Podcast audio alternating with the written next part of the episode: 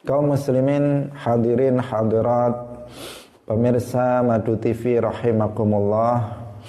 Alhamdulillah puji syukur kita sampaikan kepada Allah Subhanahu wa taala pada pagi hari ini dengan nikmat, dengan rahmat, dengan taufik dari Allah Subhanahu wa taala kita bisa kembali bersama-sama dalam pengajian kitab Sulamut Taufiq. Semoga Allah Subhanahu wa taala memberikan ilmu yang bermanfaat untuk kita semuanya.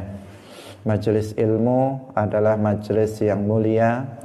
Orang yang duduk dalam majelis ilmu maka para malaikat sampai ikan yang berada di dalam lautan itu beristighfar memintakan ampunan untuk kita semuanya.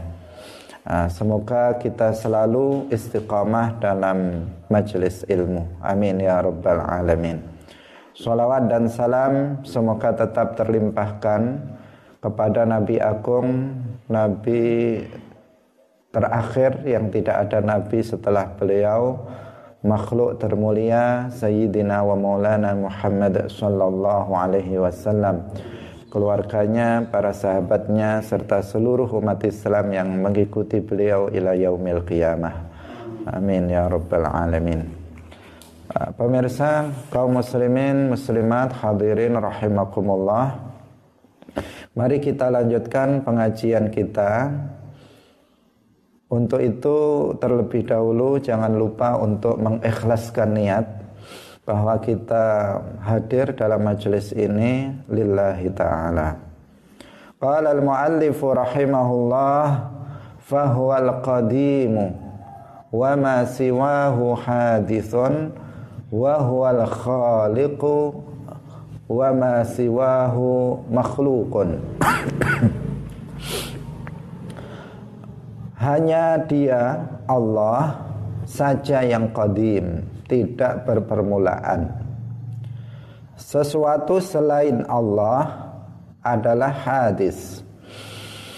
Artinya berpermulaan.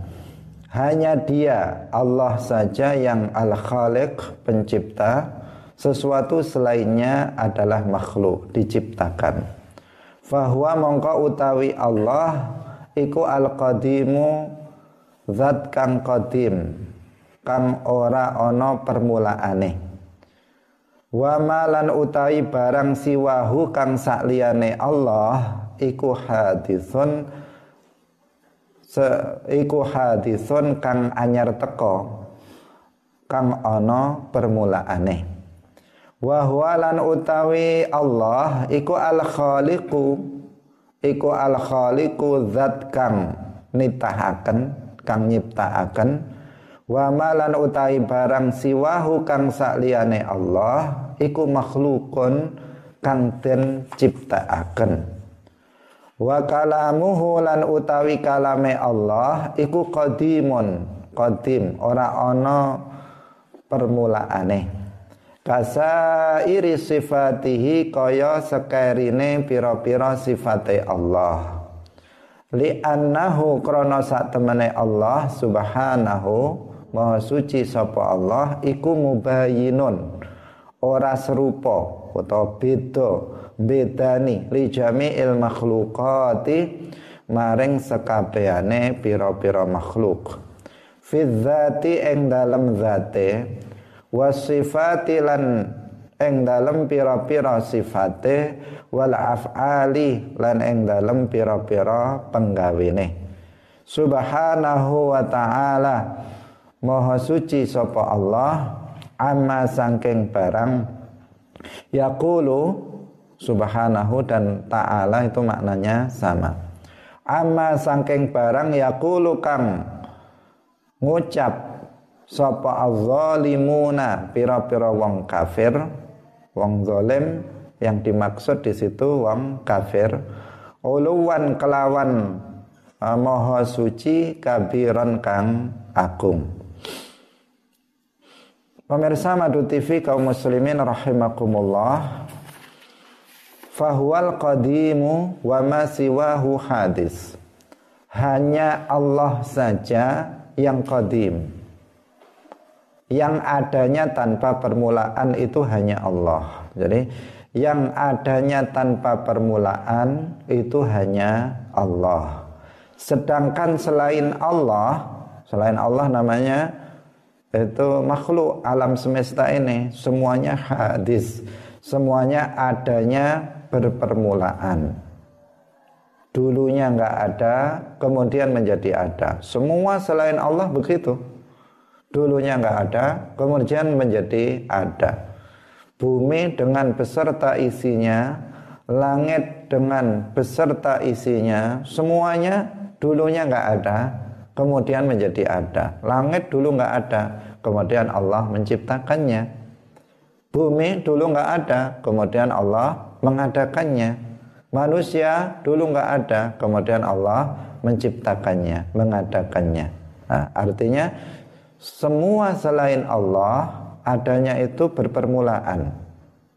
Nah, yang adanya tanpa permulaan itu hanya Allah Subhanahu wa taala. Jadi tidak ada yang azali kecuali hanya Allah. Tidak ada yang qadim kecuali hanya Allah. Tidak ada yang adanya tanpa permulaan kecuali hanya Allah. Ini perlu ditegaskan. Karena ada hati-hati dengan keyakinan filosof. Filosof itu orang yang menekuni ilmu filsafat. Nah, yang mereka meyakini bahwa alam ini adalah kodim azali. Jadi alam semesta ini menurut mereka itu azali, adanya tanpa permulaan. Sama dengan Allah. Berarti mereka menyerupakan apa? alam semesta ini dengan Allah sama-sama tidak memiliki permulaan. Nah, keyakinan ini jelas keyakinan yang batil. Keyakinan yang bertentangan dengan akidah Islam yang mengatakan bahwa tidak ada yang qadim kecuali hanya Allah. Tidak ada yang azali kecuali hanya Allah. Segala sesuatu selain Allah itu hadis. Segala sesuatu selain Allah itu berpermulaan. Dulu nggak ada, kemudian ada. Itu namanya hadis. Jadi itu istilah ya, istilah dalam ilmu tauhid harus dipahami. Dalam ilmu tauhid kalau kita menyebut qadim maka artinya apa? Adanya tanpa permulaan. Kalau kita menyebut azali artinya adanya tanpa permulaan. Kalau kita menyebut hadis maka maknanya adalah tidak apa berpermulaan.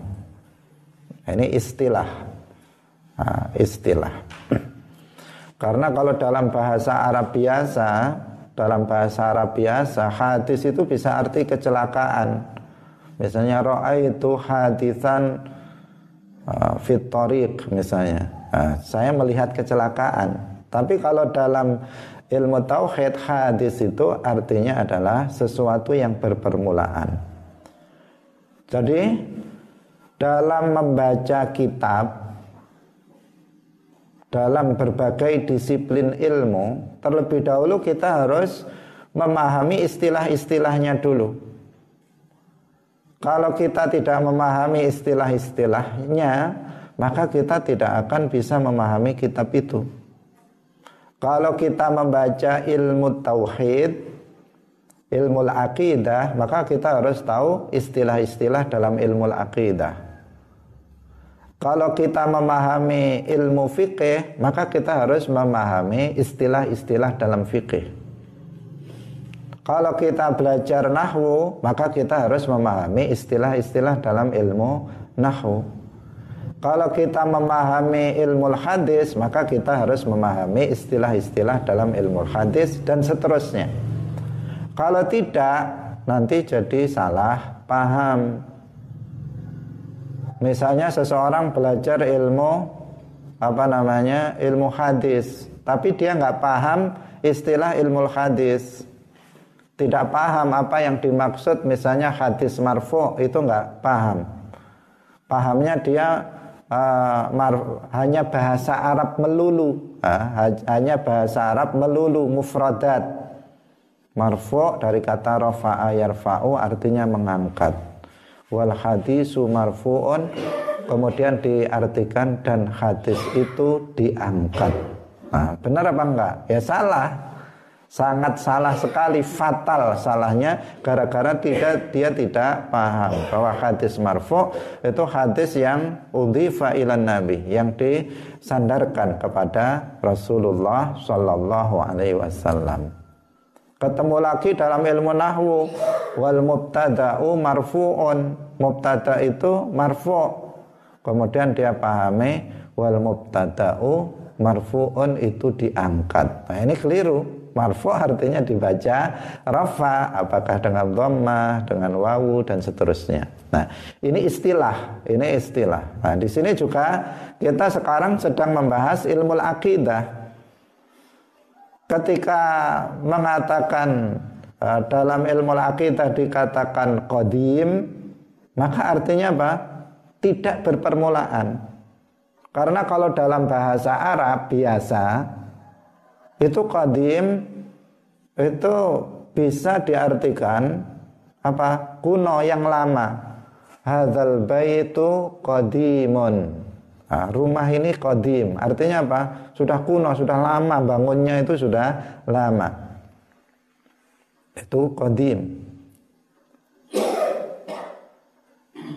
Pemirsa yang dirahmati oleh Allah Subhanahu wa taala. Maka di sini uh, penting untuk kita pahami. Jadi ketika muallif mengatakan fahuwal qadimu wa ma siwahu hadis hanya Allah saja yang qadim, artinya yang adanya tanpa permulaan itu hanya Allah. Sedangkan segala sesuatu selain Allah itu hadis, artinya adanya berpermulaan. Para filosof para filosof mengatakan bahwa alam ini qadim. Berarti mereka telah menyerupakan Allah dengan makhluknya sama-sama tidak memiliki permulaan. Nah, mereka para filosof terbagi menjadi dua. Ada filosof kudama mutaqaddimin. Mereka seperti Aristoteles nah, dari para filosof Yunani. Mereka mengatakan bahwa alam ini qadim baik jenis maupun individu-individunya. Misalnya manusia, manusia kan alam. Nah, manusia ini alam. Jenisnya adalah manusia. Individu-individunya Ahmad, Ali, Muhammad, Zaid. Nah, ini namanya individu-individunya dari jenis manusia. Menurut filosof yang mutakaddimin, yang apa namanya seperti Aristoteles dan sebagainya. Ini dua-duanya kodim tidak berpermulaan, baik jenis manusia maupun orang-orangnya ini semuanya kodim. Ini filosof mutakaddimin. Nah, sementara filosof yang generasi akhir muhdatsin, mutaakhirin ini mereka mengatakan bahwa alam ini qadim tetapi hanya jenisnya saja. Jadi jenis manusia, manusia itu qadim, adanya tidak berpermulaan. Menurut siapa? Menurut kelompok filosof yang kedua ini.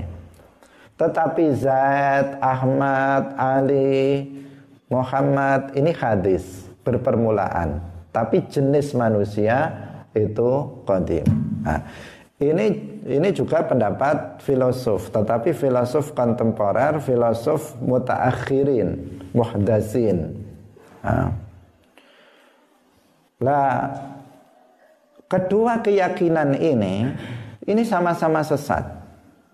Baik keyakinan yang mengatakan bahwa alam ini kodim tidak berpermulaan dari sisi jenis dan individu-individunya maupun kelompok filosof yang mengatakan bahwa alam ini qadim hanya jenisnya saja ini sama-sama menyimpang. Karena apa? Keyakinan ahli sunnah tidak ada yang qadim kecuali hanya Allah. Tidak ada yang adanya tanpa permulaan kecuali hanya Allah. Karena tidak memiliki permulaan artinya khalik, pencipta. Kalau dikatakan berpermulaan, maka artinya apa? Makhluk diciptakan. Karena dulunya tidak ada. Nah, di antara para ulama yang membantah ini Al-Imam Badruddin Az-Zarqashi dalam kitab Tasniful Masami' Syarah Jam'il Jawami. Nah, dalam kitab tersebut beliau mengutip ijma tentang kekufuran dua golongan filosof ini. Beliau mengatakan setelah beliau menceritakan dua kelompok filosof ini, beliau mengatakan wa dhallalahumul muslimuna wa kaffaruhum. Halaman 10 ya yang bawa kitab ini pada halaman 10. Wa dhallalahumul muslimuna wa kaffaruhum orang-orang Islam, umat Islam telah menyesatkan kelompok filosof ini, kedua kelompok filosof ini, wa kaffaruhum dan mereka telah mengkafirkan mereka. Kenapa? Karena telah mensekutukan Allah dengan alam, menyamakan Allah dengan alam sama-sama mereka anggap sebagai qadim. Nah, maka di sini yang perlu ditegaskan adalah tidak ada yang qadim kecuali hanya Allah. Tidak ada yang adanya tanpa permulaan kecuali hanya Allah Subhanahu wa taala saja. Ada orang namanya Ibnu Taimiyah. Ini diikuti oleh uh, kelompok Wahabi pada masa sekarang. Dia meyakini bahwa dia mengikuti ini para filosof generasi yang kedua ini. Generasi akhir dari kaum filosof. Dia mengatakan bahwa jenis alam itu azali. Maka Ibnu Taimiyah dalam hal ini kena hukum ini. Nah, sebagaimana dikutip uh, apa namanya Al Imam Badruddin Az-Zarkashi. Ini salah satu dari sekian banyak penyimpangan Ibnu Taimiyah dalam masalah akidah. Bahwa dia mengatakan bahwa alam ini azali adanya tanpa permulaan meskipun dia mengatakan hanya jenisnya yang azali sementara individu-individu dari alam semesta ini itu hadis. Nah, meskipun dia mengatakan uh, jenisnya saja yang azali, maka ijma itu mengatakan bahwa umat Islam telah menyesatkan mereka dan umat Islam telah mengkafirkan mereka. Kaum muslimin pemirsa Madu TV yang dirahmati oleh Allah Subhanahu wa taala. Ini kalau dikaji kenapa para filosof berpendapat seperti itu, maka ini akan sangat panjang penjelasannya dan mungkin uh, yang hadir di sini bingung gimana ini kok. Karena ini pembahasan filsafat pembahasan filsafat. Nah, filsafat itu pembahasan dengan logika dengan menggunakan akal. Nah, dan itu dibutuhkan konsentrasi yang serius nah, untuk memahami bagaimana mereka bisa berkesimpulan bahwa alam ini azali dan bagaimana apa namanya kita membantahnya. Para ulama secara umum itu menghalal, eh, mengharamkan belajar ilmu filsafat. Nah, ilmu filsafat yang dimaksud adalah ilmu filsafat yang memang apa namanya tidak karena pada umumnya ilmu filsafat itu bertentangan dengan ajaran Islam. Nah, karena itulah maka Al-Imam Al-Ghazali itu membuat bantahan nah, terhadap para filosof ini. Meskipun beliau juga dalam hal ini beliau menggunakan apa namanya uh, membantah para filosof dengan apa namanya juga dengan filsafat. Tetapi yang sudah beliau bersihkan dari unsur-unsur kesesatan dari unsur-unsur penyimpangan dari akidah Islam. Nah, ini siapa? Uh, Al Imam Al Ghazali yang lucu itu adalah Ibnu Taimiyah.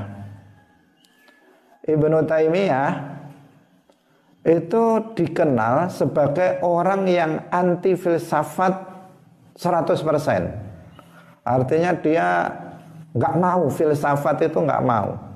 Anti terhadap ilmu filsafat. Tetapi ternyata lucunya itu di sini.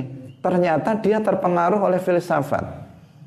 Dia nggak mau filsafat, tapi dia terpengaruh oleh filsafat. Buktinya yang di sini. Keyakinan bahwa jenis alam itu azali itu keyakinan para filosof mutaakhirin. Tetapi apa? Ternyata Ibnu Taimiyah terpengaruh oleh paham filosof ini. Ini yang lucu, wong dia anti terhadap filsafat, tetapi dia ternyata malah apa namanya Eh, dia malah terpengaruh oleh ajaran kaum filosof. Nah. Kaum muslimin pemirsa Madu TV yang dirahmati oleh Allah Subhanahu wa taala. Kita lanjutkan. Fahuwal khaliqu wa ma siwahu makhluk. Ini sebenarnya maknanya sama dengan yang tadi itu. Ketika dikatakan fahuwal qadimu artinya wal khaliq. Ketika dikatakan wa ma siwahu hadis artinya ma siwahu makhluk. Nah, segala sesuatu selain Allah itu adalah makhluk. Tetapi ini penegasan bahwa tidak ada pencipta selain hanya Allah. Saya ulangi lagi ini penegasan tidak ada pencipta selain hanya Allah. Ini akidah kita. Harus diingat-ingat ini. harus diingat-ingat dan tetap diyakini selamanya bahwa tidak ada pencipta selain hanya Allah. Harus dipegang kuat-kuat akidah ini. Segala sesuatu selain Allah itu makhluk.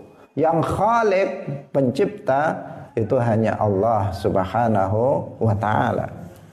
Di dalam Al-Quran banyak sekali ayat Al-Quran yang menegaskan bahwa tidak ada pencipta selain hanya Allah.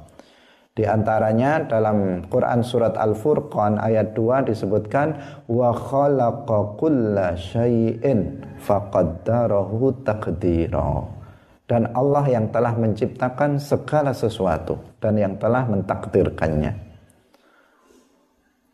Dalam ayat yang lain, hal min khaliqin ghairullah artinya tidak ada pencipta selain Allah. Dalam ayat yang lain disebutkan qulillahu khaliqu kulli syai' katakanlah Allah itu adalah pencipta segala sesuatu Kullu syai, segala sesuatu. Pokoknya semua yang ada selain Allah, maka itu adanya Allah yang menciptakannya dari tidak ada menjadi ada. Nah, awas ini ini apa? Akidah Islam. Allah pencipta segala sesuatu. Allah yang menciptakan manusia, Allah yang menciptakan perbuatan manusia, Allah yang menciptakan kebaikan, Allah yang menciptakan keburukan, Allah yang menciptakan makhluk yang paling mulia Nabi Muhammad wasallam, Allah juga yang menciptakan iblis laknatullah alaih. Allah yang menciptakan segala sesuatu, baik dan buruk Allah yang menciptakannya. Iman dan kufur Allah yang menciptakannya Ketaatan dan kemaksiatan Allah yang menciptakannya. Tidak ada pencipta selain hanya Allah Subhanahu wa taala. Hmm. Termasuk perbuatan yang kita lakukan apabila kita berbicara maka Allah yang menciptakan perbuatan bicara itu pada diri kita. Apabila kita berjalan, maka Allah yang menciptakan perbuatan berjalan pada diri kita. Bukan Allah yang berjalan, nanti salah paham. Nah, karena ada orang yang kemudian sulit memahami. Nah, Allah yang menciptakan perbuatan kita. Ketika kita makan, maka Allah yang menciptakan perbuatan makan pada diri kita, bukan Allah yang makan. Allah yang menciptakan perbuatan makan pada diri kita. Nah, seperti badan kita, ini kan ciptaan Allah. Allah yang menciptakan badan kita, tetapi Allah bukan badan kita, bukan. Allah yang menciptakannya. Allah yang mengadakannya dari tidak ada menjadi ada.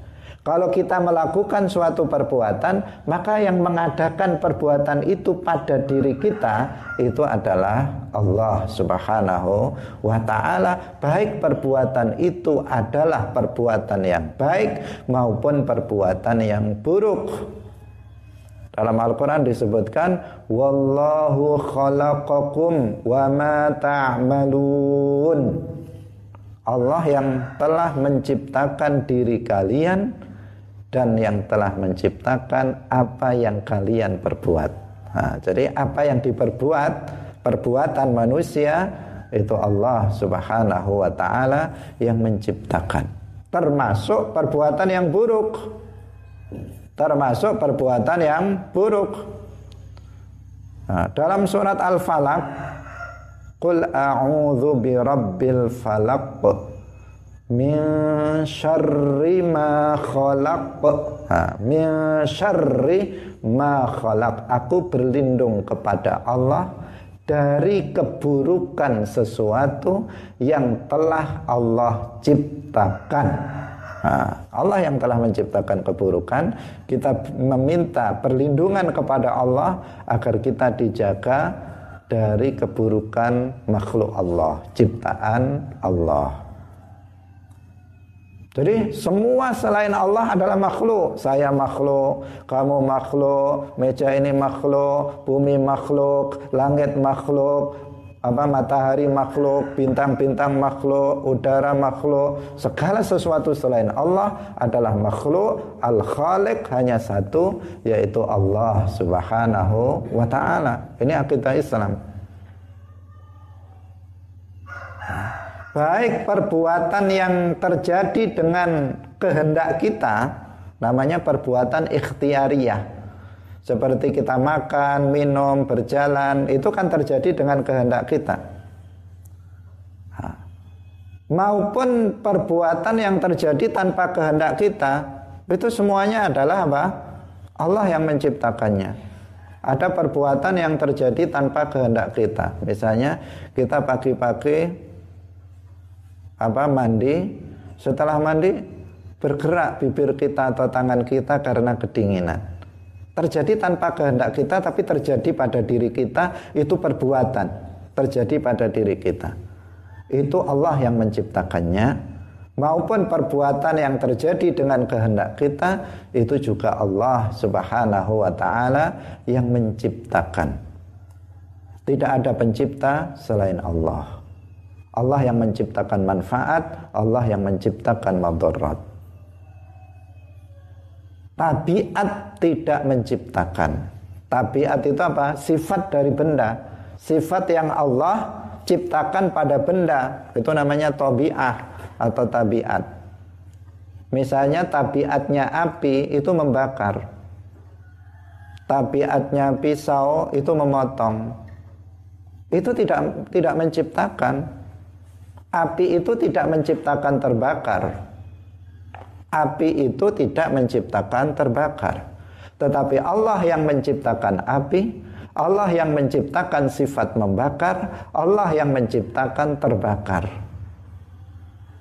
Nabi Ibrahim alaihissalam dilemparkan oleh orang-orang kafir kepada api yang sangat besar. Saking besarnya mereka nggak bisa memasukkannya ke dalam api itu sehingga harus apa? Harus dilempar dari jauh.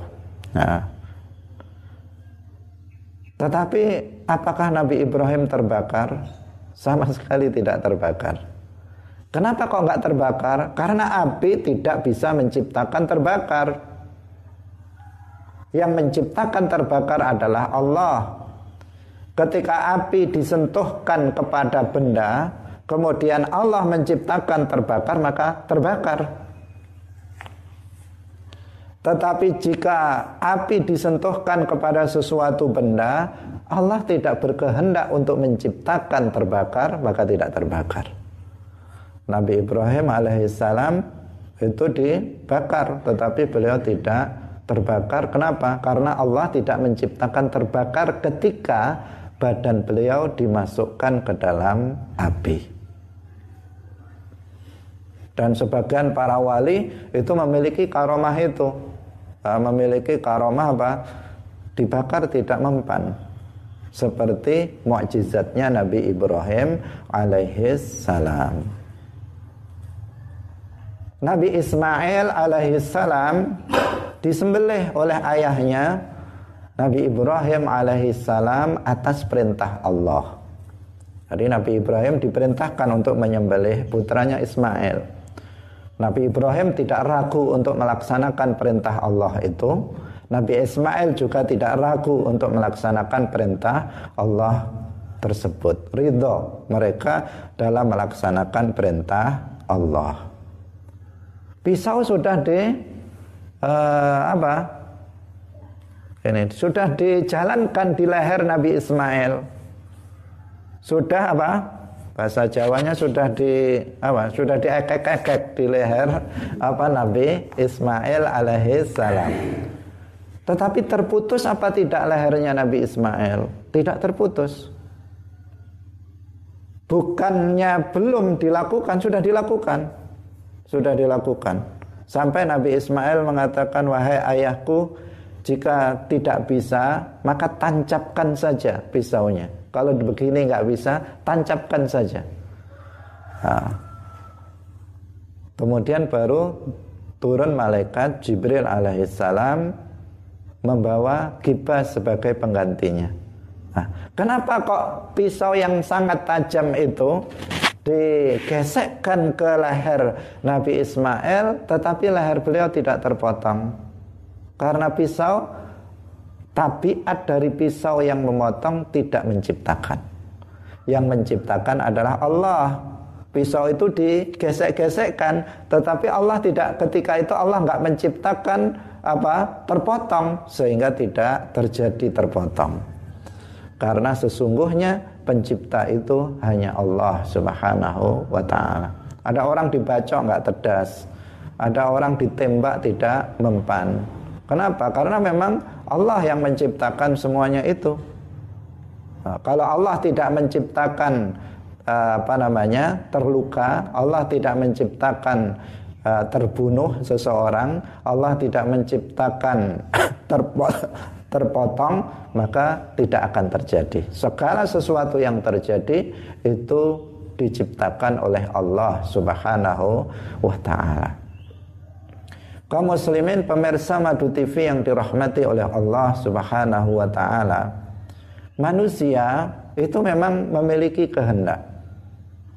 Ini yang membedakan ahlus sunnah dengan jabriyah. Nah, karena sebagian orang yang nggak paham kemudian menuduh dengan keyakinan seperti ini menuduh bahwa kita ini adalah Jabriyah. Salah total, uh, salah besar. Uh, yang membedakan ahlu sunnah dengan Jabriyah adalah bahwa ahlu sunnah itu meyakini bahwa manusia itu memiliki apa? Memiliki masyiah, memiliki kehendak. Meskipun kehendak manusia itu di bawah kehendak Allah. Dalam Al-Qur'an disebutkan wa ma tasyauna illa ayyasha Allahu rabbul alamin.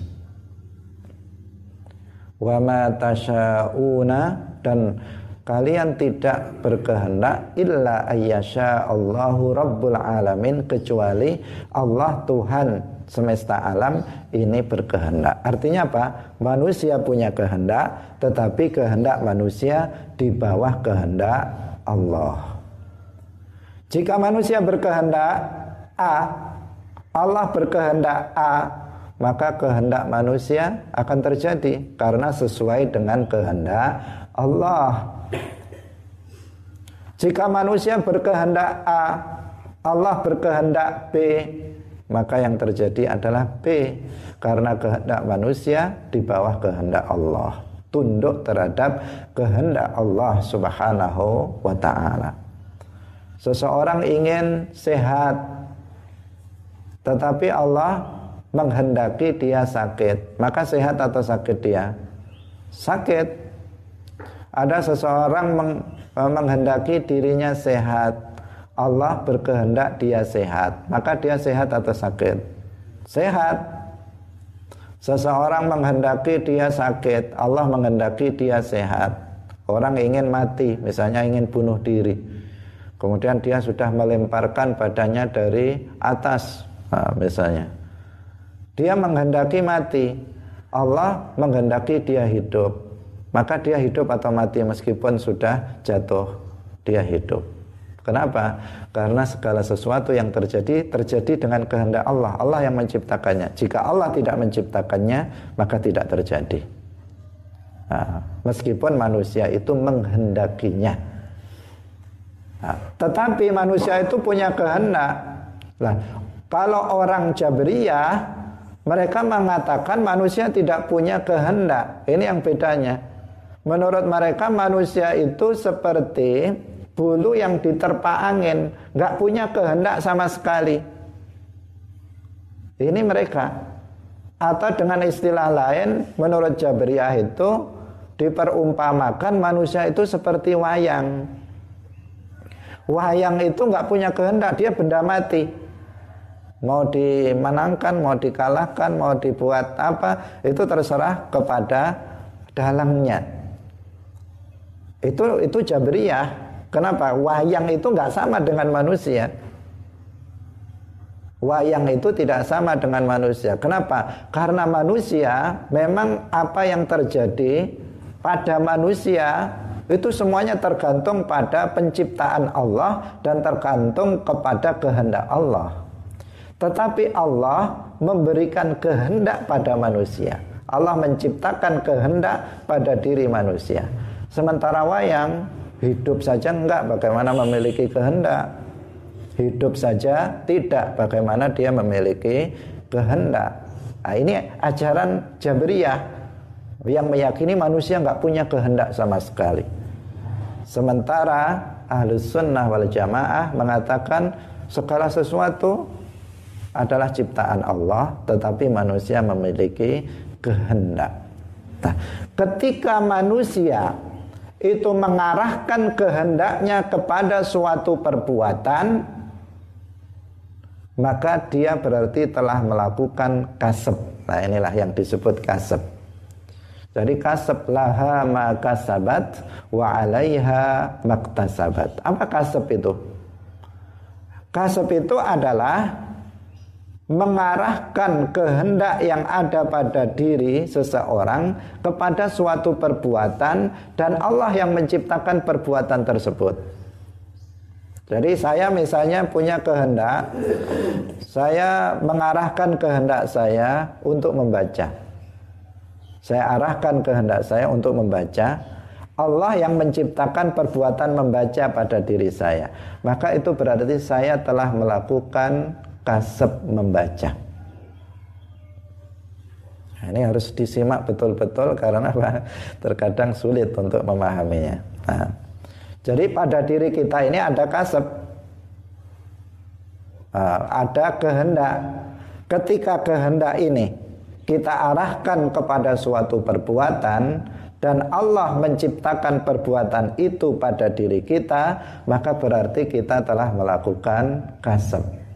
Jika kehendak kita ini kita arahkan kepada perbuatan yang baik seperti sholat, membaca Al-Quran, sodakoh, dan Allah menciptakan perbuatan itu, maka berarti kita telah berkasab baik. Laha maka sabat, maka dia akan mendapatkan pahala dari kebaikan yang telah dia kasabkan.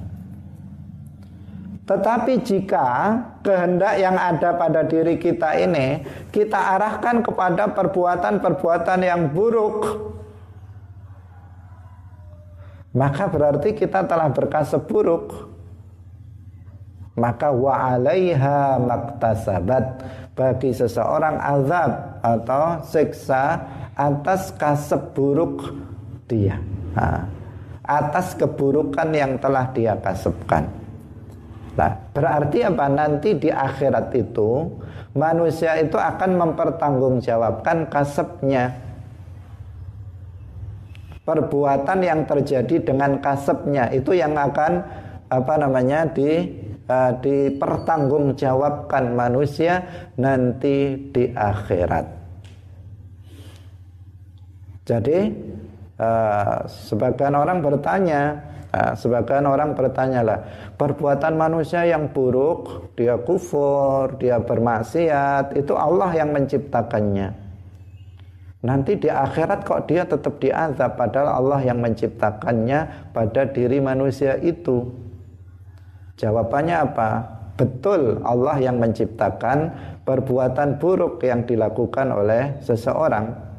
Tetapi perbuatan buruk itu terjadi dengan kasep dia. Nah, terjadi dengan kasep dia. Apa kasep?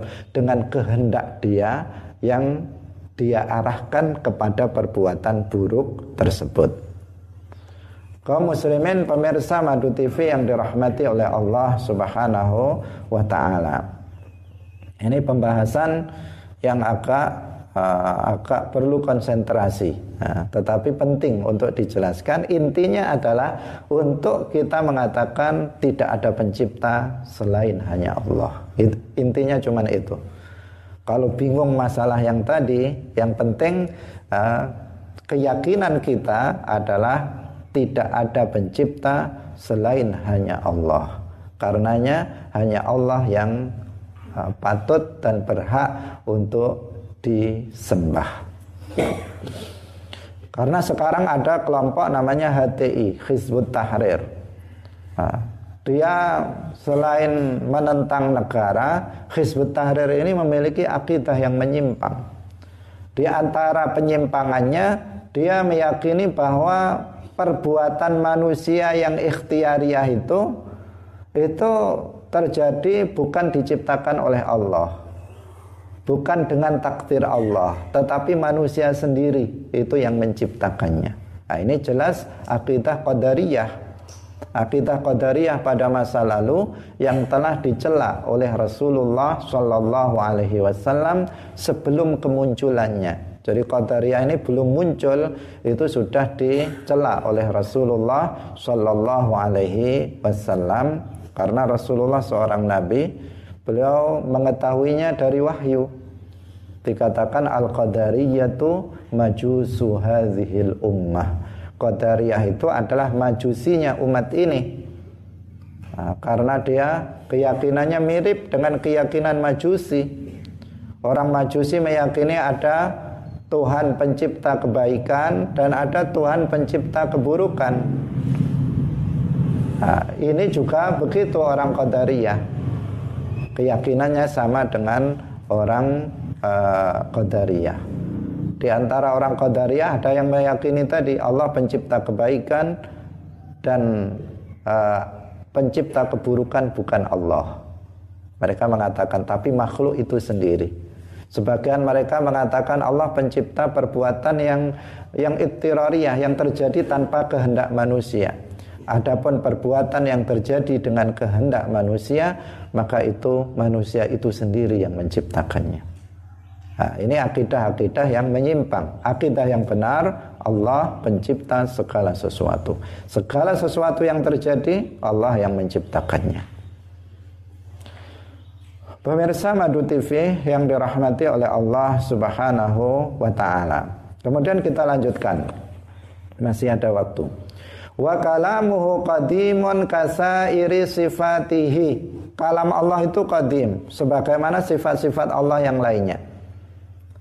Jadi semua sifat Allah itu qadim azali. Ilmu Allah qadim. Iradah Allah qadimah. Kudrah Allah qadimah. Sam'ullah qadim. Basarullah qadim. Semua sifat Allah itu qadim. Artinya apa tadi qadim? Tidak berpermulaan. Qadim artinya tidak berpermulaan. Kalau tidak berpermulaan berarti apa? Tidak berakhiran. Seperti yang kita jelaskan tadi kemarin, ya kalau dikatakan qadim maka azali, maka selalu di selalu apa? Selalu di di apa namanya? Uh, disandingkan azaliyun abadiyun. Azaliyun abadiyun. Kenapa? Karena setiap yang azali itu pasti abadi. Uh, azaliyun abadiyun. Nah di antara sifat Allah itu adalah kalam. Allah memiliki sifat kalam. Uh, maka berlaku kaidah ini juga.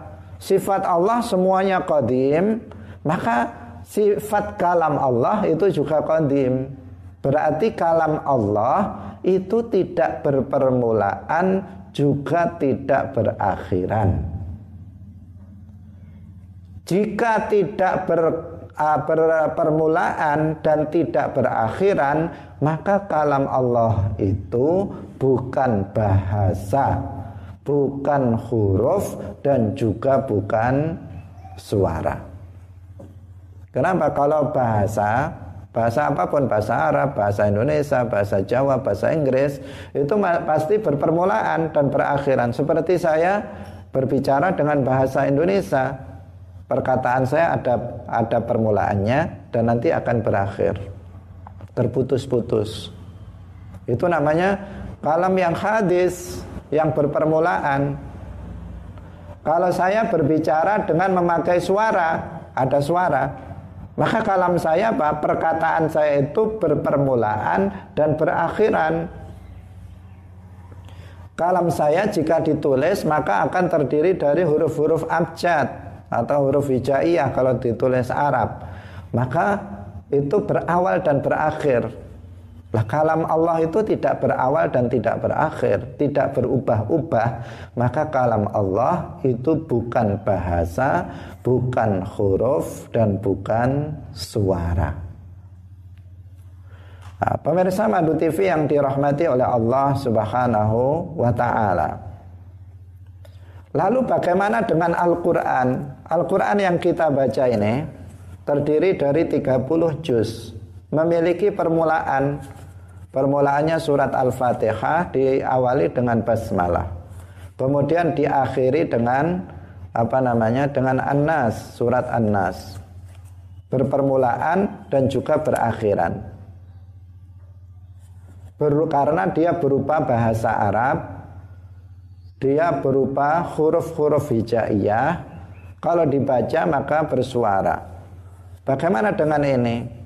Jawabannya ini juga kalam Allah ini juga kalam Allah. Tetapi bukan sifat kalam Allah.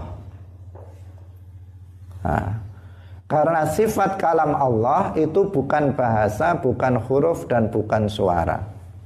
Ini adalah ibarah ungkapan dari sifat kalam Allah.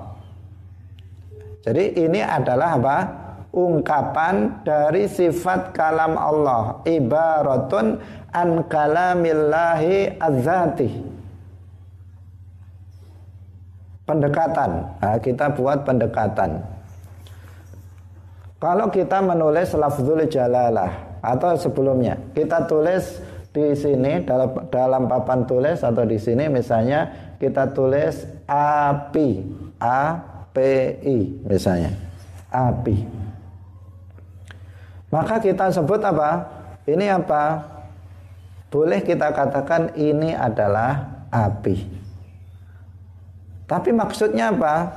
Maksudnya adalah ungkapan yang menunjukkan adanya api yang sebenarnya. Dia bukan api yang sebenarnya. Dia kan tulisan. Tapi boleh nggak kita sebut ini api? Boleh. Nggak ada masalah. Ini apa ini? Ini apa? Ini adalah kubah khadra ini adalah kubah khadra, kubah hijau yang di bawahnya ada makam Rasulullah dan Raudhah di Masjid Nabawi. Ini adalah kubah khadra. Boleh nggak saya mengatakan seperti itu? Boleh. Dan, dan saya tidak berbohong. Yang dimaksud adalah ini adalah gambar yang menunjukkan kubah khadra yang ada di Madinah. Bukan hakikatnya kubah khadra ini, bukan. Itu boleh, nggak masalah kita mengatakan ini kubah khadra. Kalau guru TK misalnya, guru TK di depan dipasang apa? Gambar-gambar binatang atau gambar-gambar buah-buahan. Ditanya, anak-anak ini apa namanya? Gajah. Ini apa namanya? Kuda. Nah, maka gurunya apa? Kalau memang sesuai, gurunya akan mengatakan betul, benar. Kalau gurunya bilang salah, ini bukan gajah, ini gambar gajah, nak. Itu gurunya yang agak perlu di apa diperiksakan. Jadi boleh kita mengatakan ini gajah, ini kuda, ini ayam boleh. Secara bahasa boleh dan itu tidak salah. Nah, kita katakan ini adalah kalam Allah. Tidak salah. Kenapa? Ini adalah kalam yang menunjukkan sifat kalam Allah yang bukan bahasa, bukan huruf dan bukan suara. Seandainya hijab maknawi dari telinga kita dibuka sehingga kita bisa mendengar kalam Allah yang azali dan abadi, maka kita akan memahaminya seperti yang kita pahami dari Al-Qur'an. Karena ini adalah yang menunjukkan itu. Sama seperti ketika kita tulis lafzul jalalah Allah di papan tulis. Maka kita katakan ini apa? Ini Allah. Tetapi apakah kita menyembah alif-alif, alif lam lam ha? Jawabannya tidak. Kita nggak menyembah huruf. Yang kita sembah adalah yang ditunjukkan oleh lafzul jalalah Allah. Bisa dipahami?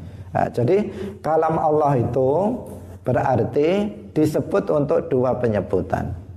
Ketika kita menyebut kalam Allah bisa bermakna artinya kalam yang merupakan sifat zat Allah, dia bukan bahasa, bukan huruf dan bukan suara. Ada kalanya ketika kita sebut kalam Allah, maka yang disebut adalah lafat yang diturunkan. Ada yang berbahasa Arab seperti Al-Quran, ada yang berbahasa uh, Ibrani seperti Taurat, ada yang berbahasa uh, Suryani seperti Injil yang asli, Taurat yang asli.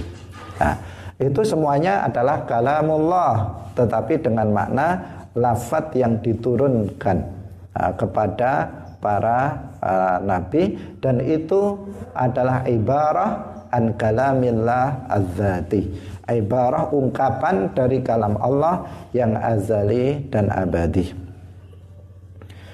Pemirsa yang dirahmati oleh Allah Subhanahu wa taala. Ini juga penting untuk dipahami karena ada ini menjadi perdebatan yang sengit dari dulu hingga sekarang tentang masalah kalam Allah.